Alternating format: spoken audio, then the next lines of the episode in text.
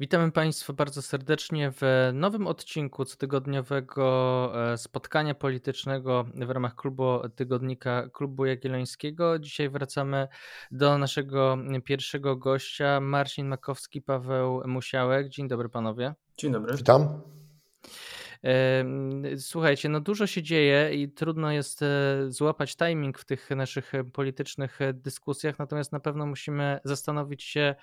i wychodząc od, do tej debaty, dyskusji naszej dzisiejszej o tym, jak będzie wyglądał następny rząd, no i pochylić się nad tym, że jednak prezydent Andrzej Duda nie poszedł na rękę dotychczasowej opozycji, nie wyznaczył ani Donalda Tuska, ani Władysława Kosiniaka-Kamysza, o czym jakoś się spekulowało jako alternatywa alternatywna możliwość dla Mateusza Morawieckiego, tylko właśnie e, jego wskazał jako, mm, jako tego, którego deleguje do tworzenia nowego rządu. Wiemy, że prawdopodobnie to, e, to się nie powiedzie, ponieważ PiS tej większości nie uzbiera. Ja chciałem Was e, zapytać na start, czy ta decyzja prezydenta Andrzeja Dudy zdefiniuje te relacje, które będą na linii Pałac Prezydencki, nowy e, opozycyjny rząd, e, czy będziemy mieć powtórkę z tym okresem, kiedy no, prezydent Andrzej Duda był wtedy w kancelarii Lecha e, Kaczyńskiego, premierem był Donald Tusk, czyli trochę będziemy mieć taki powtórkę z historii, no czy może to jest takie zaznaczenie, że jednak jestem prezydentem wobec czego szanujcie mnie, liczcie się, to może jednak e, zacznę trochę na Was inaczej e, patrzeć. Najpierw może pytanie do Marcina. Myślę, że prezydent nie był w stanie już zmienić e,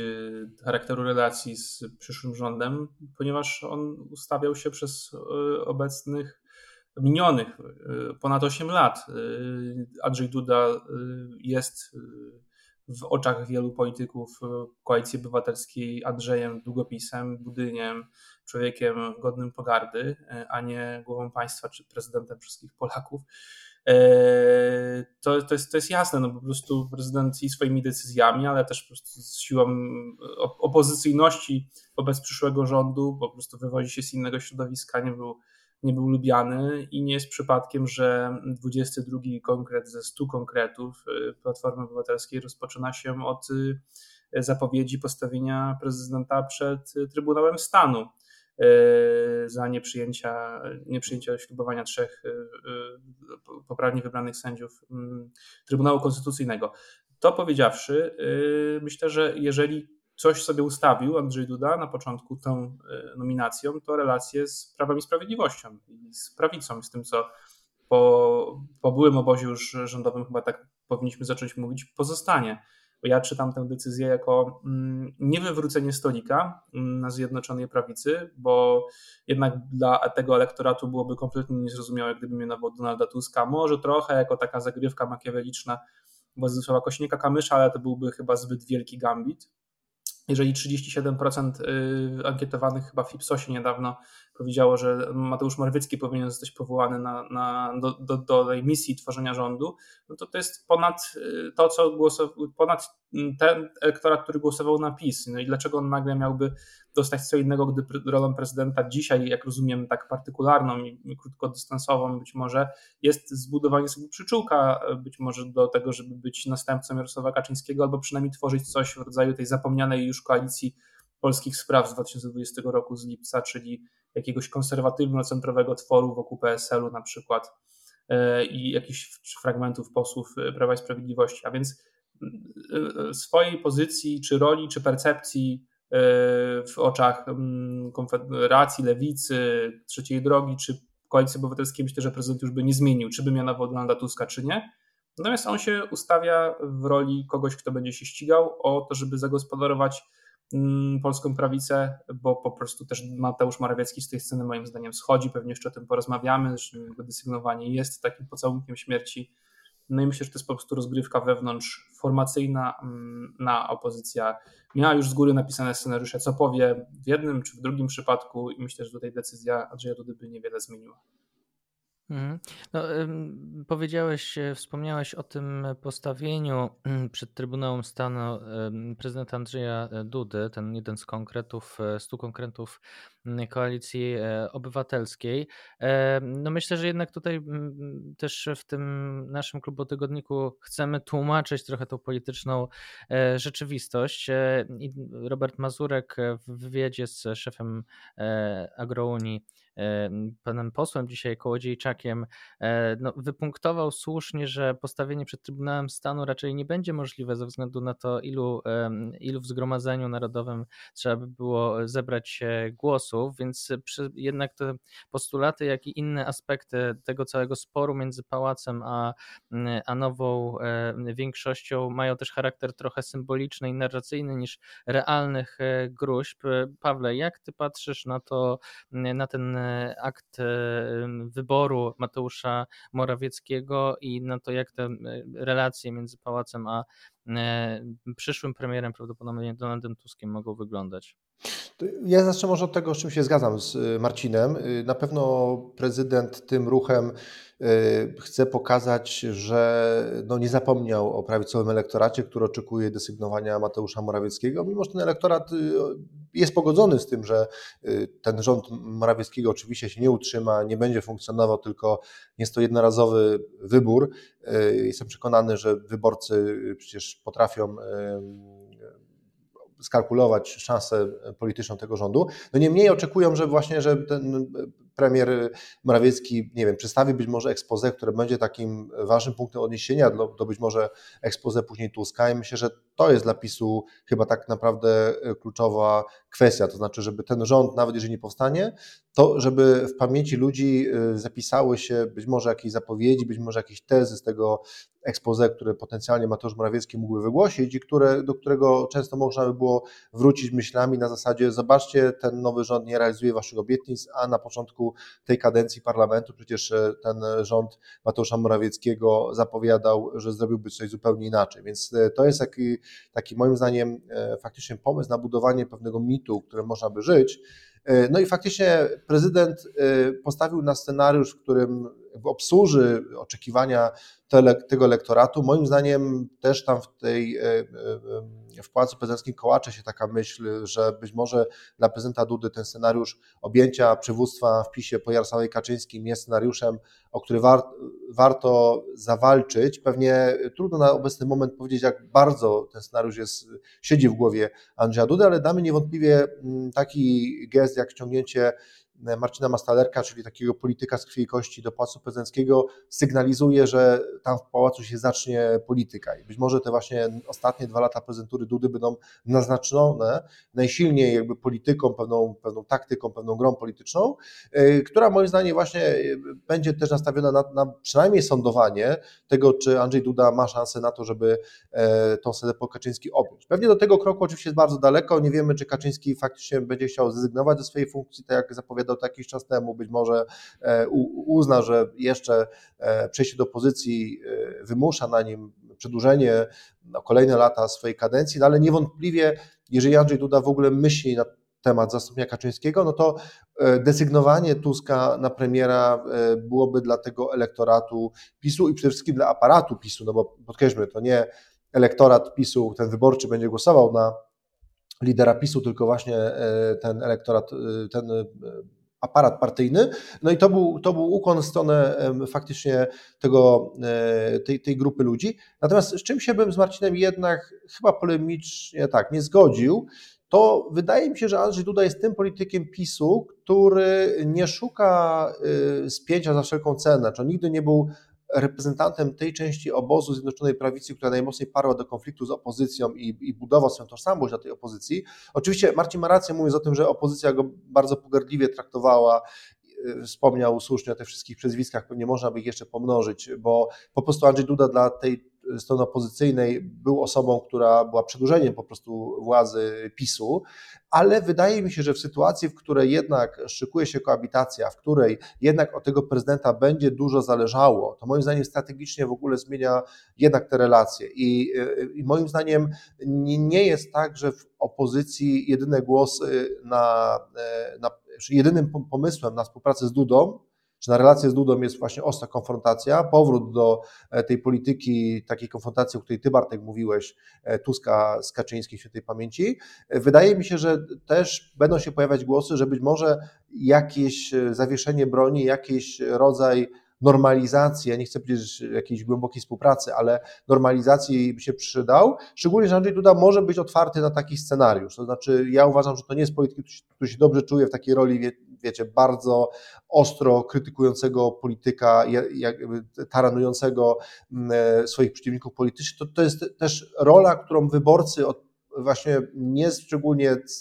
oczekują od prezydenta, więc moim zdaniem pewna przestrzeń do y, jakiejś pragmatycznej współpracy jest. Nie jesteśmy od razu dzisiaj już skazani na ten konflikt. I w tym kluczu, jeżeli Bartek pytasz o to, co nominacja Morawieckiego zmieniła, no zmieniło tyle, że faktycznie te głosy w obozie koalicji które mówiły o tym, że być może z Andrzejem Dudą warto zrobić takie mini nowe otwarcie, by mu wysłać sygnał, że owszem, pewnie w sprawie aborcji się nie dogadamy, nie dogadamy w wielu innych sprawach, ale jednak będziemy się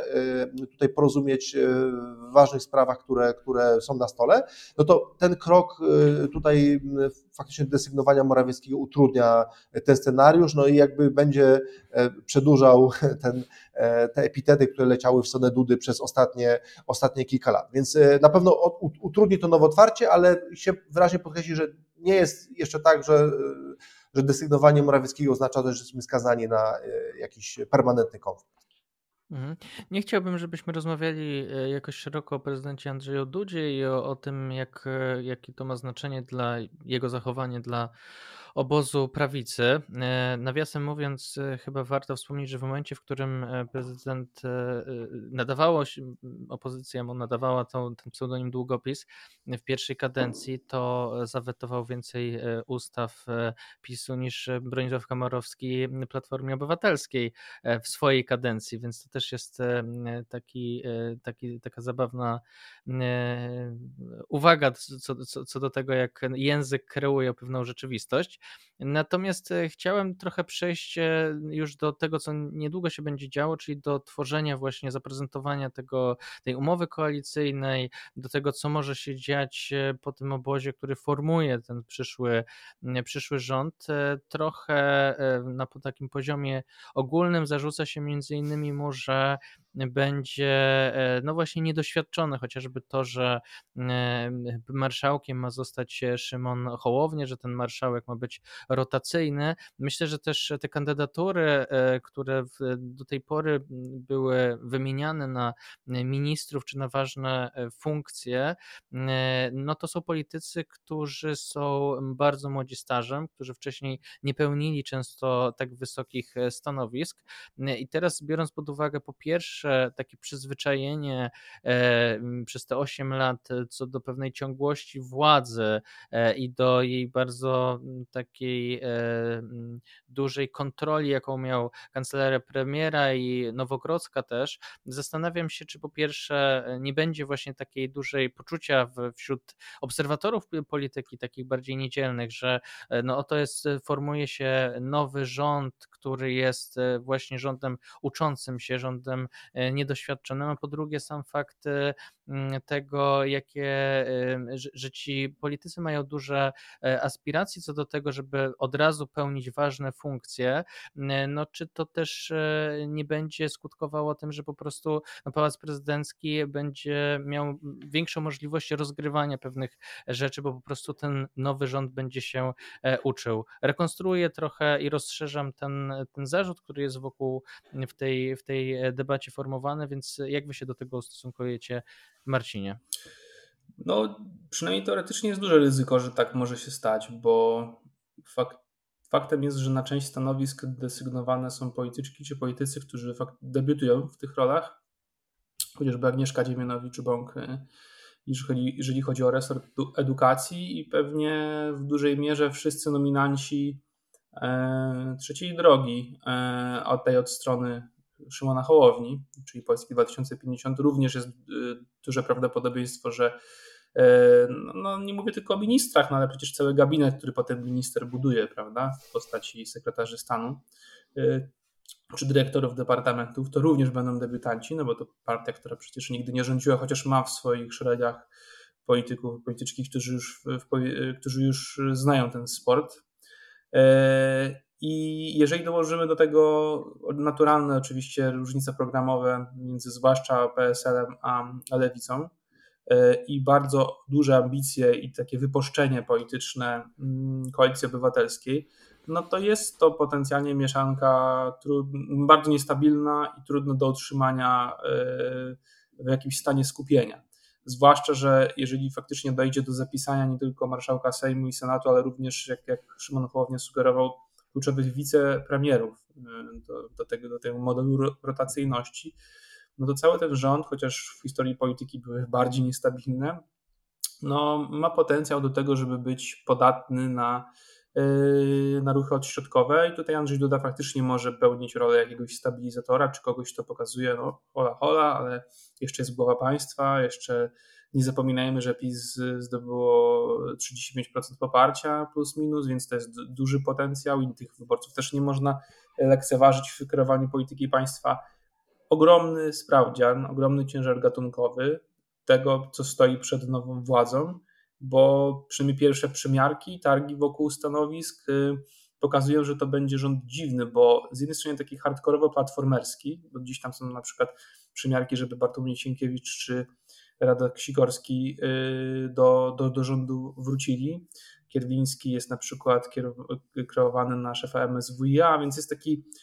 taka, taka, taki powrót starej gwardii Platformy Obywatelskiej, który ma być tym zderzakiem twardej, takiej siłowej yy, polity, polity, polityce yy, w stylu House of Cards polskiego. No i trochę takiej zbieraniny ludzi, którzy już rzucili, albo są debiutantami, albo są młodzi, coś chcą udowodnić, coś ponaprawiać, coś pozmieniać, czasami bardziej, czasami mniej rewolucyjnie. Do tej pory przez, yy, przez przynajmniej ostatnią dekadę na przykład raczej nie mieliśmy tego typu układanek. Były to rządy w miarę stabilne, chociaż niekoniecznie były mm, idealne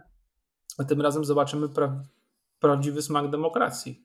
E, no i pytanie, czy to się ludziom spodoba, czy nie będzie takiego odreagowania, jak dzisiaj w Stanach Zjednoczonych, gdzie to Donald Trump najprawdopodobniej e, będzie kandydatem republikanów i ma największe szanse na powrót do, do Białego Domu. Oczywiście dużo kroków robię naprzód, e, bardzo hipotetycznych, ale zaznaczam, że pewnie każdy, kto myśli o tym na poważnie i, i, i projektuje sobie takie scenariusze, widzi jeden ten właśnie, o którym ja mówię, czyli może być dużo niepewności w, te, w tych rządach. E, no i tutaj faktycznie, jeżeli Andrzej Duda to wykorzysta mądrze, no może się zbudować na ten dzień po swojej drugiej kadencji. E, Pawle, czy zgadzasz się z Marcinem, że e, smak demokracji Polakom e, w tym parlamentarnym wydaniu może nie smakować, bo jednak z jednej strony były te zarzuty co do nocnych głosowań, patologicznego procesu legislacyjnego PiSu, ale z drugiej strony była to, można powiedzieć, skrajna efektywność, jeśli chodzi o proces stanowienia tego, tego prawa i może do tego też się Polacy przyzwyczaili, a teraz będziemy mieli odbicie. Jak na to patrzysz? No to jest ciekawa teza. Uważam, że może być faktycznie tak, że e, przez to, że mamy kilka partii, e, które będą e, oczywiście no miały jakąś tam powiedzmy wspólnotę poglądów co do tego, jak dalej sprawy państwowe kierować. No wszystkim podstawową wspólnotą interesów jest polityka pewnie depisizacji, bo to jest jakby najmniejszy wspólny mianownik. Natomiast faktycznie te napięcia, one mogą wywołać taki efekt, y, o którym Bartek chyba miałeś na myśli, to znaczy, że ludzie zauważą, że po prostu to nie jest wcale takie oczywiste y, przejść przez cały proces legislacyjny, tak jak to robił PiS. I, i moim zdaniem to, że PiS wdeprecjonował ten proces legislacyjny, on nie wynikał z tego, że nie widział w tym procesie jakby żadnej wartości, tylko po prostu tą wartość uznało za dużo mniejszą niż tą efektywność, która może zyskać za pomocą właśnie takiej prostej wajchy, e, która, która po prostu działała. I oczywiście e, po czasie często było tak, że ta krótka, szybka wajcha, ona też była niebezpieczna, bo po drodze, jeżeli ten proces jest zbyt szybki, to, to nie ma mm, e, takich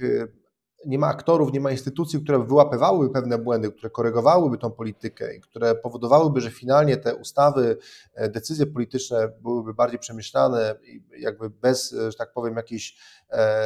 istotnych mankamentów, e, no to tutaj faktycznie możemy wrócić do czasów, które pamiętaliśmy przecież w historii III RP, do czasów, w których mieliśmy bardzo ciekawe dyskusje w parlamencie, w której mieliśmy bardzo no, taki rozpolitykowany parlament w takim sensie, że, że nie było wiadomo e, na przykład jakie, jak, czym się poszczególne głosowania zakończą. To wszystko było bardzo ciekawe dla komentatorów, ale jednocześnie bardzo e, było irytujące dla tych, którzy oczekiwali właśnie takiego konkretnego, namacalnego efektu. I w tym sensie to jest ciekawa teza, czy Polacy e, byli na tyle już zniesmaczeni tą jedną wajchą, że dadzą sobie że jakby uwzględnią pewne koszty e, tej powrotu tego parlamentaryzmu, e, a na ile będzie tak, że faktycznie chcieliby mieć ciasko i zjeść ciasko i się nagle okaże, że e, zobaczą to, że tych dwóch rzeczy mieć, mieć się nie da. Oczywiście to jest tak, że trochę spekulujemy na temat tego, jak te relacje w tej koalicji będą wyglądać, ale, ale chyba nie ulega wątpliwości, że te, te, przez chociażby sam fakt, że mamy cztery duże podmioty, ja nie pamiętam czasów chyba od czasu od 1991 roku, kiedy mieliśmy taką e, konstrukcję rządu, w której e, mieliśmy tak dużo istotnych e, podmiotów. Do tej pory te koalicje były zazwyczaj dwu takie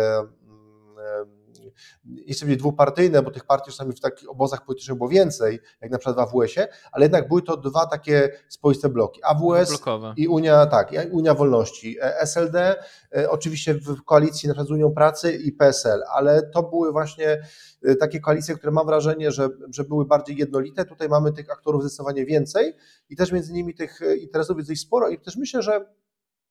to, co może być potencjalnie drugim szokiem, po tym, e, po tym Bartek zauważyłeś, że może, e, może być dla ludzi niewygodne, czyli te takie e, dyskusje, które kończą się jakimiś kompromisami dziwnymi, które nie wchodzą w życie, później są modyfikowane i tak dalej, i tak dalej, to drugim zaskoczeniem może być to, że dopóki ta koalicja miała komfort krytyki PiSu i koncentrowania się tylko na PiSie, to miała, to, to, to mo, można było w czasie odstawić jakby te dyskusje programowe, można było e, cały czas koncentrować uwagę na tym, co robi e, źle obecna władza i ten czas stopniowo będzie malał. Pewnie jeszcze na początku rządu sporo tego PiSu będzie w tej debacie, bo odebranie wszystkich instytucji, ta depisizacja, o której mówiłem, to będzie coś, co, co pewnie będzie leitmotivem e, pierwszych miesięcy, ale stopniowo coraz większa grupa wyborców będzie pytać, no dobrze, PiSu już nie ma, nie ma z nami tydzień, nie ma z nami miesiąc, nie ma z nami kwartał, a wy dalej o tym PiSie pokażcie, jaki jest wasz dorobek. Więc myślę, że, że to jest pewnie też coś, co e, jest ciekawe, dlatego że chyba nigdy wcześniej e, władza czy opozycja, która nie przechodziła do koalicji, e, nie budowałaby się tak bardzo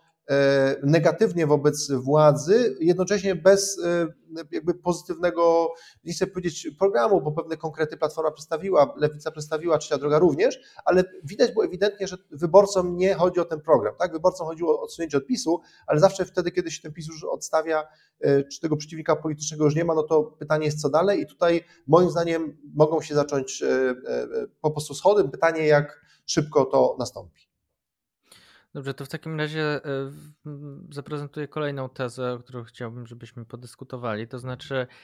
e, jeżeli uznać, że Donald Tusk też zdaje sobie sprawę z tego, że będzie, przyjdzie mu rządzić w trudnych warunkach, bo nie tylko ma instytucje, które są mu jakoś wrogie, jeszcze przez PiS zabetonowane, nie tylko ma prezydenta, ale też będzie miał problem ze względu na to, jak ta jego własna koalicja z mm, trzecią drogą i z lewicą wygląda, jak dużo te mm, podmioty będą miały, jaki będą miały duży wpływ, to pytanie, czy nie będzie chciał e, trochę wzmocnić tego, co już e, rozpoczął Mateusz Morawiecki, dlatego że wiemy, że Mateusz Morawiecki Nowogrodzkiej e, podlegał, ale przez ostatnie lata jednak znaczenie kancelarii mm, premiera radykalnie wzrosło, tak? Widzieliśmy że to KPRM odpowiadał za pomoc Ukrainie, że to KPRM odpowiadał za kwestie koordynacji e, działań wobec COVID-u. E, do KPRM-u została też przeniesiona duża część polityki zagranicznej, więc pytanie, czy jednak Donald Tusk, będąc takim Jarosławem Kaczyńskim swojego obozu i będąc w tym KPRM-ie, po prostu radykalnie nie będzie chciał dociążyć właśnie kancelarii premiera po prostu mm, przenosząc te kompetencje chociażby właśnie z, czy to z MSZ-u, który zamierza oddać trzeciej drodze, czy to jakimś innym jeszcze mm, ośrodkom, no tej, tej sprawczości e, i nie, przy, nie stworzyć takiego systemu trochę, można powiedzieć, przynajmniej z politycznej siły, kanclerskiego, czegoś, co e, tak Leszek Miller kiedyś był nazywany żelaznym e, kanclerzem, to czy Donald Tusk nie stanie się takim żelaznym kanclerzem razy dwa w tym nowym układzie, po to, żeby ta właśnie władza mu się nie rozpierzchła w następnych miesiącach. Marcinie. Wiesz co, to byłoby możliwe, gdyby sytuacja była analogiczna do przejęcia władzy przez Zjednoczoną Prawicę i takiego, takiej monowładzy, e, nawet w tej drugiej kadencji bez, bez Senatu. Mm, natomiast w sytuacji, w której, e, w której koalicjanci są tak silni, a zwłaszcza trzecia droga, i tą siłę poczuli, tą podmiotowość, na ile to to było sytuacyjne, a, a na ile nie, to, to, to jeszcze historia polskiej polityki pokaże, no ale na pewno dzisiaj oni czują, że powinni licytować wysoko i że powinni mieć e, dosyć rozbudowane apetyty. To nie wiem, czy ktoś będzie uznawał e, ten autorytet Donalda Tuska do takiego poziomu, w którym on, pomimo tego, że jest umowa koalicyjna, no to jest tym premierem, a więc jest żelaznym kanclerzem. On na pewno by tak chciał rządzić, bo tak cały czas rządzi i partią, i tak podczas kampanii y, personalnie układał sobie sztab i, i o wielu decyzjach nie informował w ogóle swoich ludzi, tylko były one komunikowane y, po prostu w mediach albo podczas jakiejś konwencji tak, tak, takie przysłuchy z obozu Koalicji Obywatelskiej dochodziły do mediów nieustannie. Zresztą Donald Tusk jest politycznym solistą, jest, jest drapieżnikiem politycznym w tym sensie, że po prostu rozumie, że władzy trzeba sobie odebrać, a nie czekać, aż to się przekaże. No i e, kadry są e, kluczowe w tej jego wizji polityki, którą uprawia się za pomocą ludzi, którzy są silni również, ale rozumieją, że potrafią się orientować na swojego lidera. Tylko czy, nie wiem, Hołownia, czy Kośniak-Kamysz, czy, czy czy Kronobrni, młodzi politycy z razem będą chcieli uznawać ten autorytet Donalda Tuska? To jest pierwszy znak zapytania. Myślę, że wątpię. Natomiast drugi znak zapytania jest ten, ten takim powiedzmy trochę teorią spiskową okolic y, twardej prawicy, czyli dajcie mi 400 dni, a tam żelazną miotłą posprzątam wszystko po PiSie i wtedy się będzie działo. No i już dopisywane jest na co jest za 400 dni. No i tam się kończą kadencje w Parlamencie Europejskim, może Donald Tusk wróci do Brukseli, bo przecież tak naprawdę o to chodziło, a tutaj te wybory to miało być tylko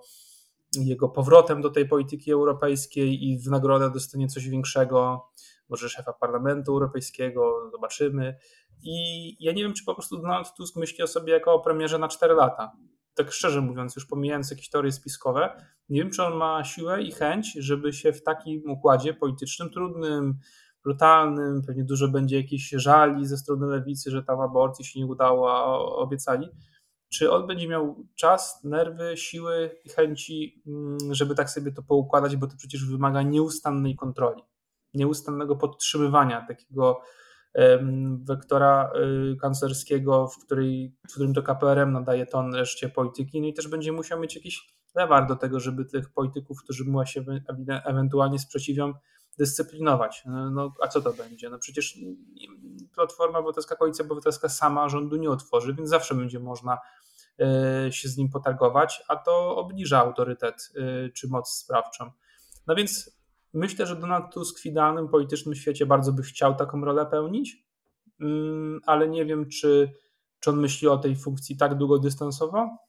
e, bo wydaje mi się, że gdzieś na horyzoncie może być jednak powrót do tego scenariusza, który już raz zresztą w życiu zastosował, czyli mm, wyjazd e, za granicę.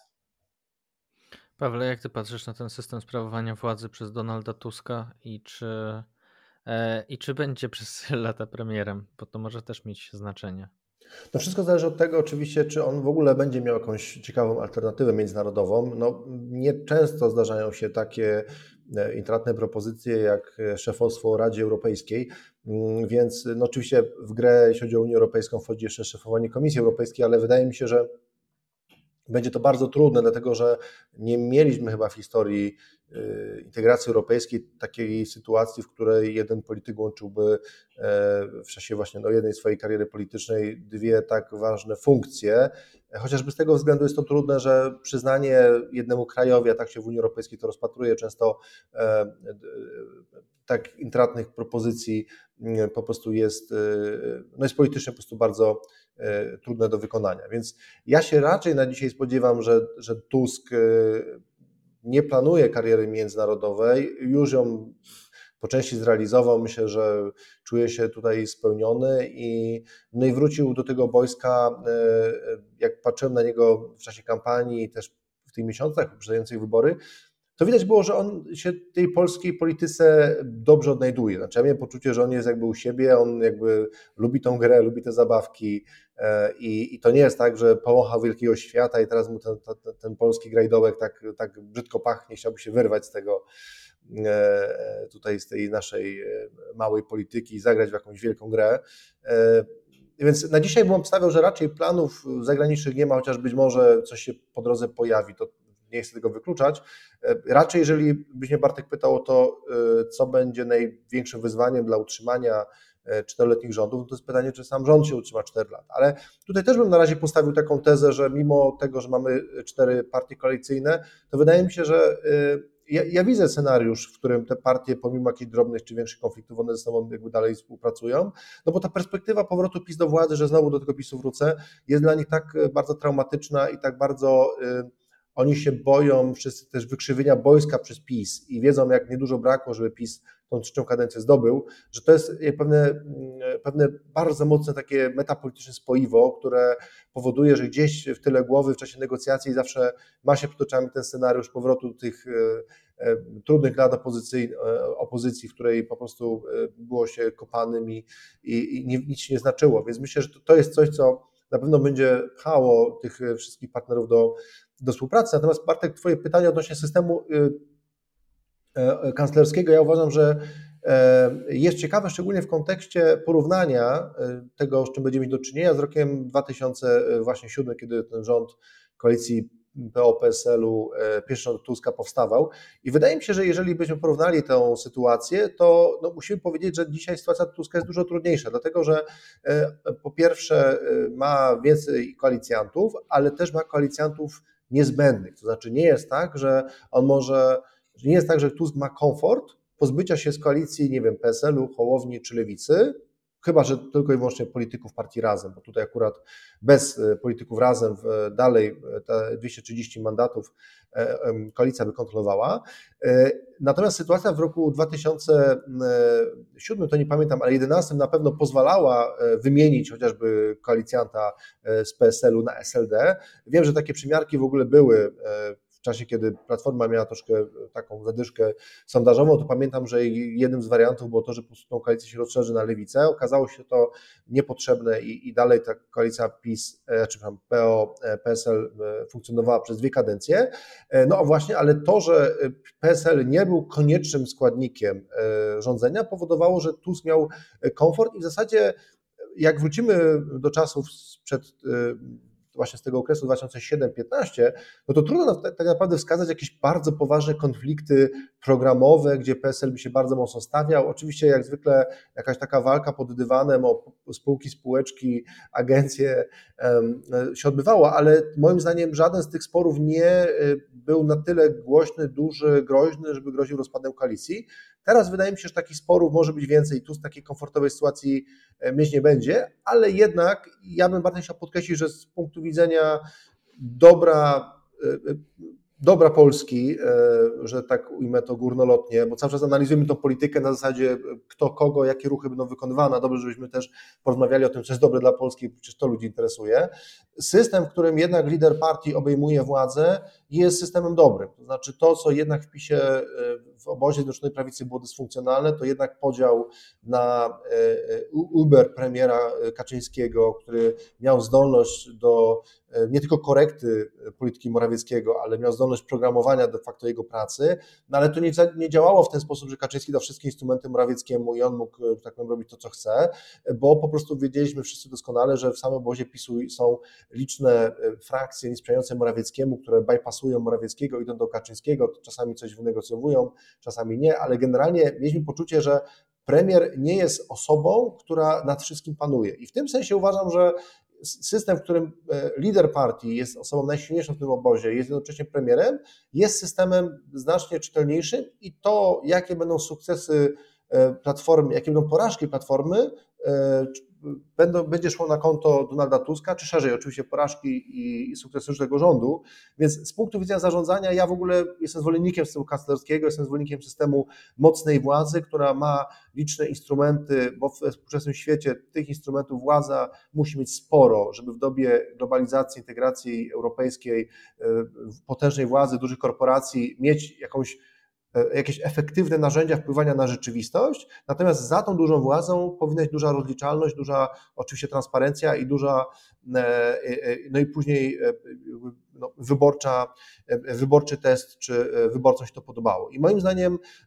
Dobrze, że Tusk w takim razie będzie jednocześnie właśnie liderem największej partii i szefem rządu. Kiedy już te mandaty były jakby rozdane, to mimo, że pewnie widziałbym na miejscu Tuska Koźnego jako najlepszego potencjalnego premiera Polski, to jednak szanuję wynik wyborczy i uważam, że z taką liczbą e, mandatów, którą otrzymała opozycja, z taką liczbą mandatów, którą otrzymała Platforma, e, Tusk, e, który by pchał ten system w stronę takiej mocnej władzy KPRM-u, jest systemem, który uważam, że powinien być realizowany, bo on daje szansę na realne przełamanie resortowości, przełamanie poszczególnych interesów poszczególnych minister, jakkolwiek oczywiście tu się oczywiście będzie musiał z koalicjantami liczyć. Dobrze, bo e, powiedziałeś o tym, że, że warto, żebyśmy porozmawiali o, tej, o tym, co jest dobre dla Polski. Mm, no i faktycznie jednym z takich też e, trochę mitów i chyba z tym też gdzieś podskórnie walczymy, to znaczy jest taki, e, nie wiem, mit czy taka wizja, że te resorty wreszcie zostaną dociążone tym, co mają robić, tak? Czyli, że resort finansów nie będzie od tego, żeby tylko księgować rzeczy, tylko że będzie kreować politykę finansową państwa, że tam resort aktywów państwowych będzie faktycznie dbał o to, żeby te spółki były efektywnie prowadzone. W sensie, że dociążone zostaną te, mm, te duże silosy, te duże ministerstwa. To, co przynajmniej ty, Paweł, mówiłeś, brzmiało raczej na zasadzie e, może lepiej, żeby tak do końca nie było, może żeby lepiej, żeby to było kreowane właśnie w tym mózgu państwa, którym byłby KPRM. Natomiast mimo wszystko chciałbym porozmawiać chwilę o tym, e, o tych najważniejszych płaszczyznach kreowania polityki, bo od tego nie uciekniemy e, mimo wszystko. I, i tutaj e, ja zacznę może taką, taką tezę, że mm, uważam, że jeżeli Władysław Kośniak-Kamysz otrzyma tą tekę mm, szefa MON, E, no to, e, że to będzie dobra informacja ze względu na to, jak dzisiaj polityka zbrojeniowa jest istotna i to porozumienie z prezydentem Andrzejem Dudą e, tutaj właśnie między MONem, a między Pałacem Prezydenckim i, i ta efektywna współpraca jest dzisiaj bardzo istotna i być może lepiej, żeby on sprawował tę funkcję niż ktoś z takiego twardego jądra Platformy Obywatelskiej.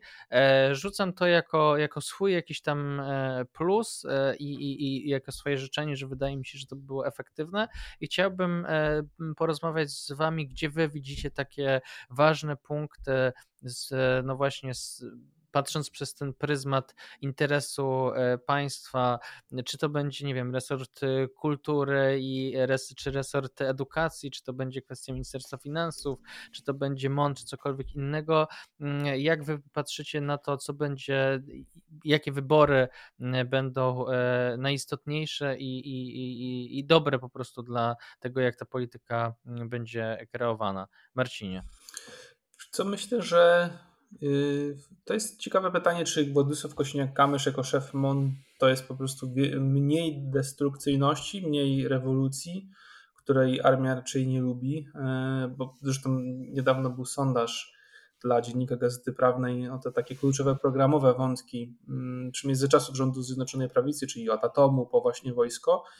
No i tam, jak my pamięć nie mieli, to chyba ponad 70 albo nawet 80% ankietowanych. Jakiś taki zaskakująco wysoki wynik mm, był przy, y, przy pytaniu na tak, y, czy kontynuować y, politykę wzmacniania polskiej armii. To oznaczało, że jest jakiś konsensus społeczny. I faktycznie wydaje mi się, że Władysław Kośniak-Kamysz nie ma takich zapędów rewolucyjnych, więc tego stolika by nie wywrócił, raczej by kontynuował, tylko pewnie przy licznych korektach ten kurs y, ministra Błaszczaka, czyli po prostu silniejsza, bardziej liczna armia, bo gdybyśmy przyjęli, że to na przykład będzie mm, były szef MON Siemoniak, który już gdzieś tam w RMF-ie musiał się tłumaczyć z tych słów o tym, że armia powinna mieć 150 tysięcy, tam jeszcze potem dodawał o, o, o kwestiach, nie wiem,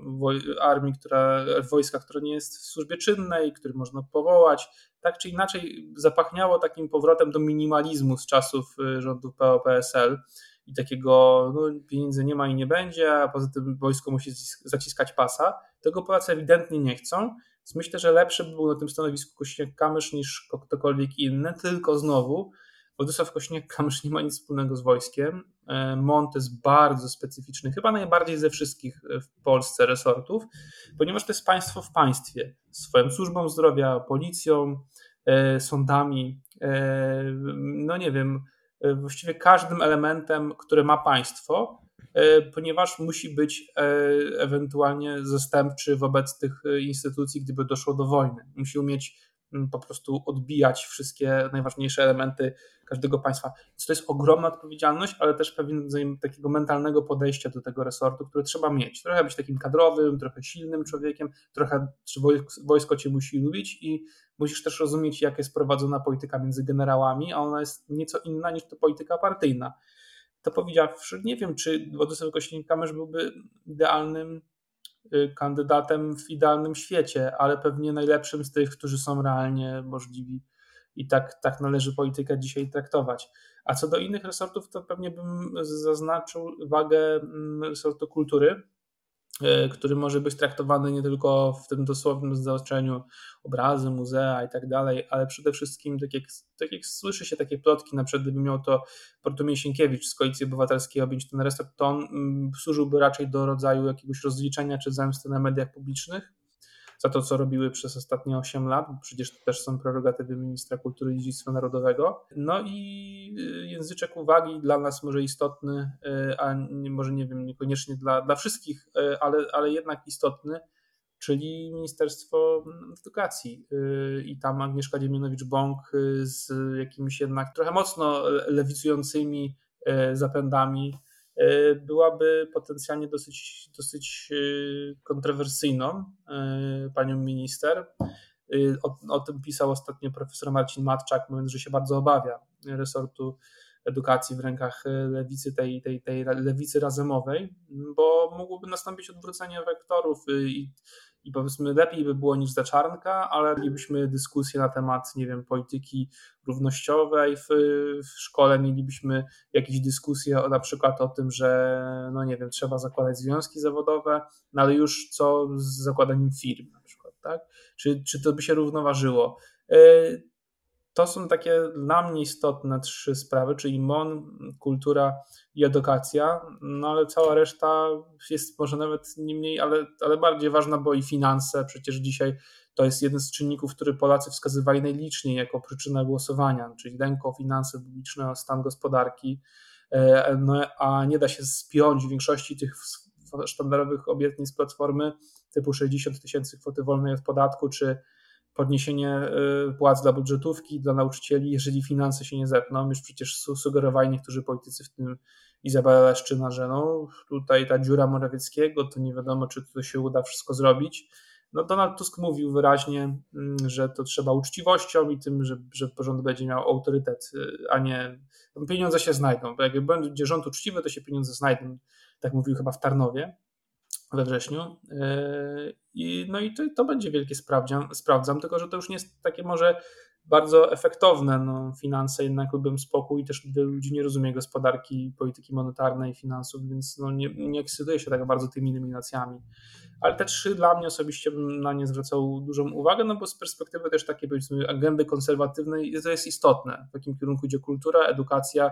no i wojsko, czyli to taka twarda obronność, tożsamość państwa i jego, jego, jego siła na, projektowana na zewnątrz. No jestem ciekaw, czy dla Pawła to również będą takie kluczowe resorty.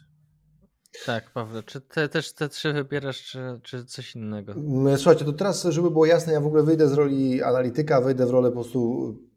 wyborcy, który jest, ma umiarkowanie konserwatywną duszę i stara się w tym rządzie, jakkolwiek pewnie konserwatystom niekoniecznie przychylnym, znaleźć jakieś przyczółki, które mogłyby go usatysfakcjonować. E, więc ja bym zaczął od tego, że mm, wydaje mi się, że dla konserwatysty faktycznie, tak powiedział Marcin, to co będzie najgroźniejsze to danie lewicy, e, edukacji czy kultury, bo tam się, to, to są akurat takie obszary, gdzie potencjał sporów aksjologicznych jest e, największy, gdzie ta wajcha jest najmocniejsza, gdzie też spór z prawicą jest najmocniejszy. I ja bardzo bym się cieszył, jeżeli lewica by starała się swoje ambicje polityczne zrealizować w usługach publicznych, czyli obszarze, który również stara się bardzo mocno podkreślić w ostatnich latach, będąc w opozycji, a który to obszar wydaje mi się, że byłby dla konserwatystów mile widziany, bo przecież to jest dzisiaj coś, co wydaje mi się być ponad E, mieć ponadpartyjną zgodę. E, tylko właśnie, no nie, nie edukacja, bo tutaj e, potencjał sporu jest jakby ogromny i też w ogóle boję, bałbym się tego, że tak naprawdę te ideologiczne napięcia, które by się pojawiały wraz z jakąś polityką równościową i tak dalej, i tak dalej, one tak naprawdę przysłoniłyby to, co dzisiaj jest problemem edukacji publicznej numer jeden. A dzisiaj tym problemem numer jeden jest to, że mamy odpływ ludzi, szczególnie tych najlepszych najbardziej zdolnych dzieci z rodzin z najwyższym kapitałem kulturowym do po prostu edukacji prywatnej i zatrzymanie tego procesu jest moim zdaniem absolutnie najważniejsze. Co prawda to też e, e, jest e, coś, co na sztandarach lewicy mogłoby się pojawić. Ja bym bardzo chciał, żeby lewica walczyła o właśnie egalitarną szkołę, która uważam, że dla konser- tutaj w ogóle mogą sobie lewicowcy i konserwatyści podać dłoń, to znaczy, żeby właśnie ludzie nie uciekali do prywatnej edukacji, tylko żeby trzymać ten standard szkoły publicznej na dość wysokim poziomie, żeby to podstawa programowa była może odchudzona, ale wspólna, żeby trzymać po prostu taką e, e, szkołę jako miejsce socjalizacji społecznej, jakby też jakieś tam umiarkowanie patriotycznej, e, no ale właśnie boję się, że wraz ewentualnie z takim, z takim zakresem działań no, Lewica chciałaby też pójść znacznie, znacznie dalej. Więc jeśli chodzi o usługi publiczne, to na pewno wydaje mi się, że służba zdrowia to jest taki resort, który nie jest chciany i nie dziwię się, bo tak naprawdę nie ma tam nisko owoców. Tak naprawdę no, to jest obszar, który Polacy, e, wobec którego Polacy mają najwięcej pretensji i mimo tego, że tych pieniędzy na ochronę zdrowia w ostatnich latach było dużo więcej, to przecież nie widzieliśmy takiego jasnego przełożenia na jakość, no dlatego, że po prostu, e, żeby ta jakość była dużo większa, to tych lekarzy musiał być z dnia na dzień i jakby usług publicznych dostępnych dużo więcej, a to w krótkim czasie po prostu nie jest, nie jest możliwe, więc wszyscy doskonale wiedzą, że tutaj łatwych sukcesów nie ma, ale moim zdaniem, jeżeli e, e, faktycznie Lewica by to wzięła z obietnicą Tuska minimum 7% PKB na ochronę zdrowia, żeby zapewnić faktycznie większe dofinansowanie, to ja wolałbym zdecydowanie, żeby Lewica pokazała, co potrafi, w, jeśli chodzi o ochronę zdrowia, niż właśnie na polu kultury. E, wydaje mi się też, że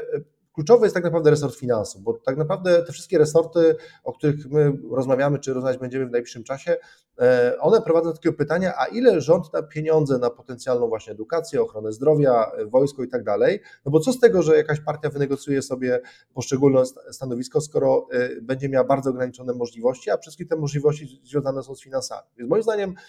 Kluczowe dla mnie będzie to, czy w umowie koalicyjnej, która będzie podpisana i będzie, mam nadzieję, jawna, będą tam właśnie konkretne porozumienia dotyczące finansowania. Wiem, że Lewica się spiera dokładnie o ochronę zdrowia. Marcina Zawisza udzieliła takiego wywiadu, w którym mówi, że ona by, mogłaby wziąć ten resort tylko no właśnie pod warunkiem 8% PKB. 8% jest bardzo dużo, ale już 7% wydaje mi się jest jakby na stole. O tym mówiła chociażby trzecia droga. E, więc e, jakby to jest jakby jedna rzecz, gdzie ja bym Lewicę widział, gdzie mogłaby pełnić rolę konstruktywną i, e, i nie drażnić mojej konserwatywnej duszy. Natomiast e, wydaje mi się, że ten pomysł z Monem, o którym mówi Marcin i Kośniakiem faktycznie jest dla mnie bardzo ryzykowny, bo Mon jest, tak jak Marcin, bardzo specyficzny. I ja bym zdecydowanie wolał Kośniaka Kamysza tak naprawdę na funkcji marszałka Sejmu, bo uważam, że on się do tego dobrze nadaje, ma doświadczenie parlamentarne, które nie ma Szymon Hołownia. I Szymona Hołownia zdecydowanie wolałbym bardziej jako właśnie tego wicepremiera do spraw transformacji energetycznej, bo na tym temacie Hołownia się budował, w tym temacie jakieś kompetencje starał się zdobywać, no więc niech pokaże, co potrafi, niech weźmie taki e, duży resort, tak naprawdę, który miałby, e, który byłby duży i miałby dużą siłę sprawczą, oczywiście umowa koalicyjna powinna dawać narzędzia, hołowni do tego, żeby umówić się, kiedy chcemy wyjść z węgla, jak chcemy tę transformację przeprowadzić, bo my potrzebujemy tak naprawdę takiego jednego jednego mocnego polityka, który na transformacji energetycznej, na jej zmianie chciałby budować swoją polityczną karierę, tak jak swoją karierę budował Piotr Naimski w PiSie y, na haśle dywersyfikacji e, surowców energetycznych, tak my w tym rządzie potrzebujemy właśnie kogoś takiego i na razie chętnych e, jakby nie widzę. Natomiast co do innych resortów, no to pewnie e, tutaj no, moglibyśmy pójść w dalej idące spekulacje, ale ja się boję, że one będą tak dalece odbiegały od tego, co finalnie zobaczymy, bo to są naczynia tak bardzo powiązane, że ostatniej prostej jeden puzzle, który wypadnie, będzie oznaczał tak bardzo dużą rekonfigurację, że, że tutaj e, możemy bardzo mocno przestrzelić z jakimiś prognozami. No, jak mnie jeszcze pytacie o moje jakieś takie e, oczekiwania, co komu bym dał, no to e, aha, faktycznie jeśli chodzi o lewicę, zapomniałem wspomnieć o mieszkaniówce. Ochrona zdrowia i mieszkaniówka są te dwie rzeczy i faktycznie ten program polityki mieszkaniowej, jeżeli coś mnie w lewicy przekonuje, to, to właśnie to, no ale właśnie on się wiąże z bardzo dużą ilością pieniędzy i wolałbym, żeby Platforma poszła na kompromis pod tytułem nie wprowadzamy e, kwoty wolnej od podatku, która będzie ukłonem w stronę klasy średniej, która tego wsparcia na ciebie nie potrzebuje. Wolę zdecydowanie te pieniądze przenieść na politykę mieszkaniową, bo mieszkania stają się dzisiaj dobrem luksusowym e, i, i jakby tutaj na pewno coś z tym tematem jakby e, trzeba zrobić, natomiast nie ulega dla mnie wątpliwości, że no takie resorty jak na przykład Ministerstwo Aktywów Państwowych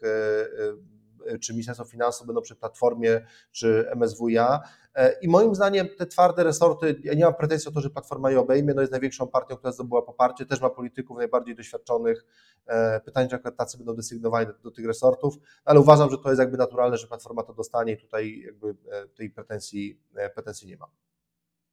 Dobrze, to w takim razie ostatnia rzecz, o której chciałem porozmawiać, dlatego że to chyba budzi też dużą E, duże emocje społeczne, między innymi e, już sporo osób e, wypowiedziało się w sprawie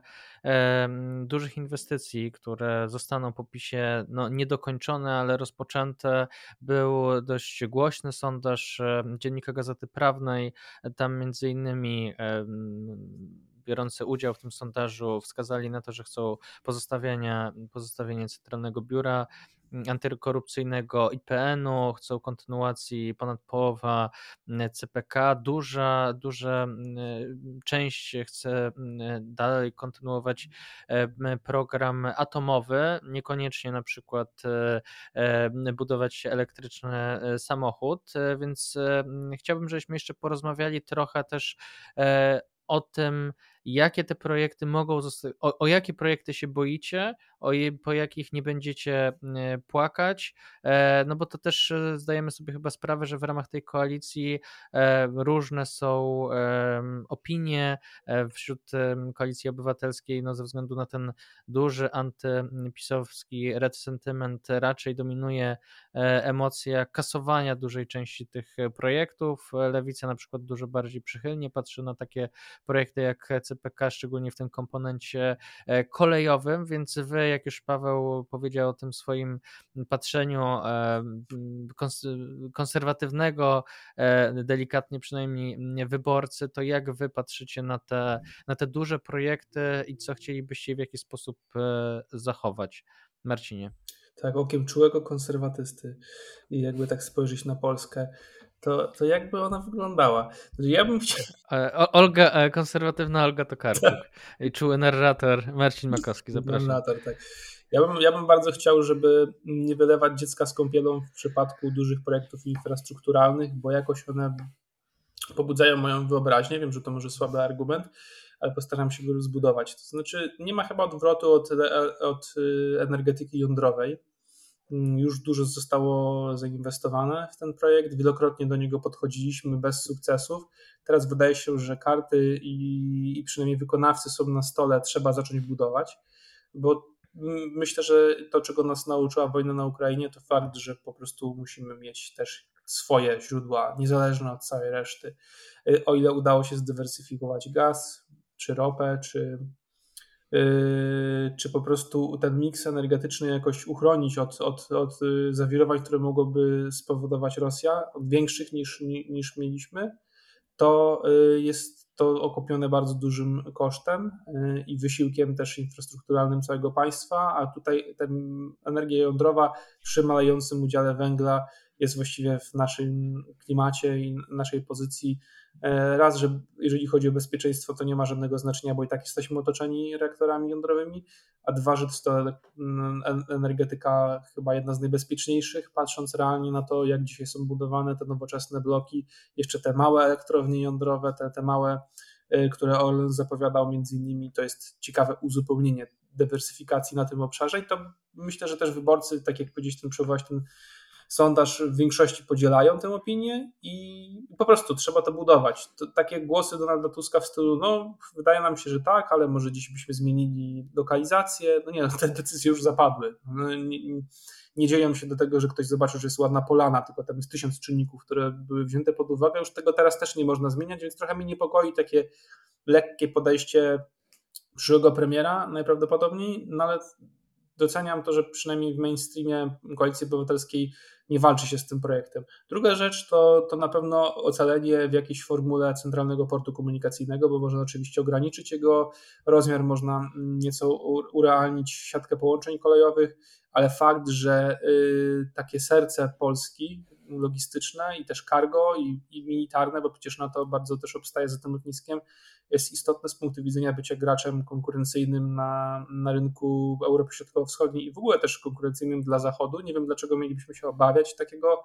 rozwiązania. Jak wskazują eksperci, nie ucierpią na tym również lotniska regionalne, y, które będą obsługiwały ruch y, tych tanich linii, y, które do tej pory i tak w większości obsługują, chociażby Kraków ponad 8 milionów podróżnych w ubiegłym miesiącu w większości ruch przecież tanich przewoźników. CPK miałby być tym hubem interkontynentalnym, więc to trochę inny ruch, plus ogromna rola cargo i takie wypowiedzi w stylu Teofila Bartoszewskiego, że tutaj trzeba to w ogóle zamknąć cały ten projekt, albo Henryk Grunkiewicz-Walc, że już się nigdzie takich lotnisk nie buduje, koniec kropka, a potem widzę osiem takich lotnisk w ostatnich 10 latach, większych nawet niż CPK, ktoś tam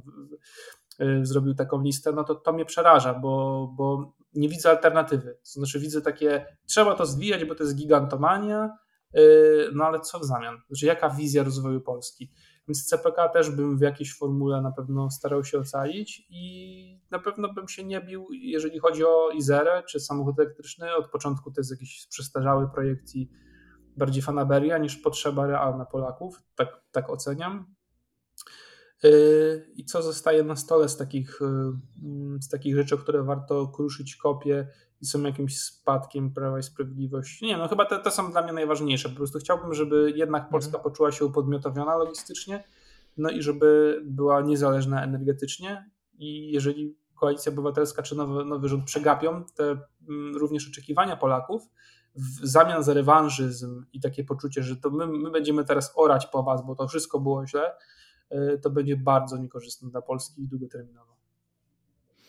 Pawle. Żeby y, coś wnieść do tej dyskusji, bo y, ja się zgadzam po prostu z Marcinem, jeśli chodzi o zarówno ocenę y, tych projektów, które Marcin wymienił, jak i też ryzyka ich realizacji. Ja bym tylko dodał może mm, jedną, jeden taki czynnik, który właśnie powoduje u mnie takie mm, taki pesymizm. To znaczy, dla Platformy Obywatelskiej, która krytykowała PiS e, w obszarze polityki gospodarczej za tak naprawdę nie tylko właśnie gigantomanię, ale jakby znaczy problem z realizacją takiego projektu jak CPK ze strony Platformy polega na tym, że realizacja tego byłaby przyznanie się w pewnym sensie do, y, do pewnej porażki, e, porażki na bardzo istotnym polu, mianowicie Platforma przez wiele lat krytykowała PiS za e, takie podejście e, właśnie bombastyczne do gospodarki. To, to, dotyczyło nie tylko CPK, ale właśnie, nie wiem, kumulacja Orlenu, takie um, po prostu działania, które w ocenie Platformy sygnalizowały bardzo dużą ambicję, podczas gdy Platforma mówiła, że przecież my nie mamy, my nie jesteśmy graczem takiej skali, abyśmy sobie mogli pozwolić na taką grę, jaką PiS chce uprawiać. I oczywiście było tak, że w tej narracji pisowskiej e, ten poziom czasami nadęcia i, i jakby takich wielkich, wielkiego geopolitycznego awansu, która e, który ten awans miał iść za tymi kolejnymi projektami, on był przesadzony, więc Platforma miała e, ułatwioną ścieżkę do tego, żeby krytykować PiS, bo, bo wiele osób wyczuwało tam pewną traumadrację, to jednak, to jednak no właśnie wejście w taką kolejne krytyki takich dużych projektów pisowskich, szczególnie, że PiS miał wiele problemów, żeby jakościowo te projekty różne, które ogłaszał, jakby do, dowozić do tej, akurat myślę, że Mieszkanie Plus jest takim pewnie infrastrukturalnie największym, spektakularnym przykładem, ale pewnie można podawać też mniejsze, inne przykłady, niekoniecznie infrastrukturalne, jak nie wiem, Nowy Ład chociażby, tak? Więc, więc Platforma weszła na pewną ścieżkę krytyki takich w ogóle dużych projektów, bo sama od takich projektów raczej stroniła, uważając, że trochę pozytywistycznie na Polskę trzeba tak rozwijać, tak e, troszeczkę tak po łyżeczce, po łyżeczce tam sobie jakieś tam śrubki dokręcać, a nie jakimiś wielkimi, żabimi skokami, które omijają jakąś e, po prostu cywilizacyjną konieczność stania w kolejce po co, co nam się po prostu jakoś tam e, należy. I, i w tym sensie ja uważam, że jest duży problem strony Platformy, bo że Platforma realizując te, te wszystkie projekty musiałaby się przyznać nie tylko do porażki, że właśnie realizuje projekty PiSu, które krytykowała, ale właśnie też do, do, do tego, że przyznaje, że czasami jest tak, że po prostu w tej polityce gospodarczej e, e, takie duże projekty zmieniające e, też pewien układ sił, one są właśnie możliwe, potrzebne, a czasami konieczne do tego, żeby je realizować. I, i jestem, jak Platforma na to odpowie. Wydaje mi się, że jakimś wyjściem mogło być zgrabnym z, tej, z tego problemu to, że Platforma zrealizuje CPK, ale właśnie będzie mówiła o tym, że no, zrealizowaliśmy, ale to jest już inny projekt, dlatego że zlikwidowaliśmy jakąś tam jedną odnogę drugą odnogę dodaliśmy, nawet niech to będzie na siłę, nawet niech to będzie tylko po to, żeby Platforma mogła powiedzieć, że to nie jest projekt pisowski, ale niech ona zrealizuje przynajmniej core tego, tego projektu. E, e, myślę, że z Atomem jest tutaj prościej, bo te decyzje, e, faktycznie Platforma nie krytykowała Atomu, ewentualnie krytykuje pewien sposób podejścia PiSu do tego tematu, ale tutaj mam mniejszą obawę. Natomiast z jedną rzeczą mi się pożegnał faktycznie ze strony PiSu y, y, i tutaj audyt jest bardzo potrzebny i to jest coś, co jest rzadko wymieniane w debacie publicznej, więc myślę, że duża wartość, żeby o tym powiedzieć, czyli taka instytutoza, w którą wszedł PiS w ostatnich latach, czyli tworzenie nowych instytucji e, po to, żeby właśnie one były nowe, od początku zbudowane, żeby budowane były na takim właśnie pisowskim kamieniu węgielnym z kadrami od początku, które wybieramy, a nie mm, po prostu czy PiS nie zastanawiał się, jak naprawić źle funkcjonujące instytucje, tylko od razu zastanawiał się, jak stworzyć nowe, które by bypassowały po prostu nieprzychylne ludzi, nieprzychylnych ludzi, nieprzychylne struktury. I moim zdaniem w ostatnich latach powstało bardzo dużo takich instytucji, które nie mają e, jakby racji bytu. E, nie wiem, ostatnio chociażby powstał instytut zajmujący się e, myślą renesansu polskiego i pierwszej RP w Zamościu. Więc nie chodzi o to, żeby w ogóle ten cel jest niepotrzebny, bo uważam, że popularyzacja wiedzy na pierwszej RP jest w ogóle bardzo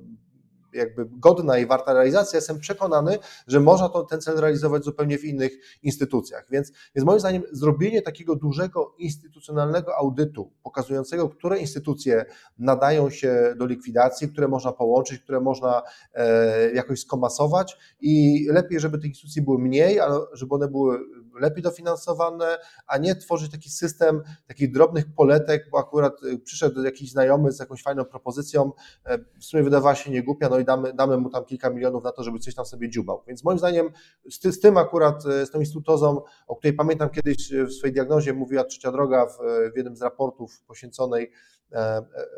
to był raport poświęcony administracji publicznej, to wydaje mi się, że zrobienie takiego audytu, co jest potrzebne, to akurat tu będę kibicował.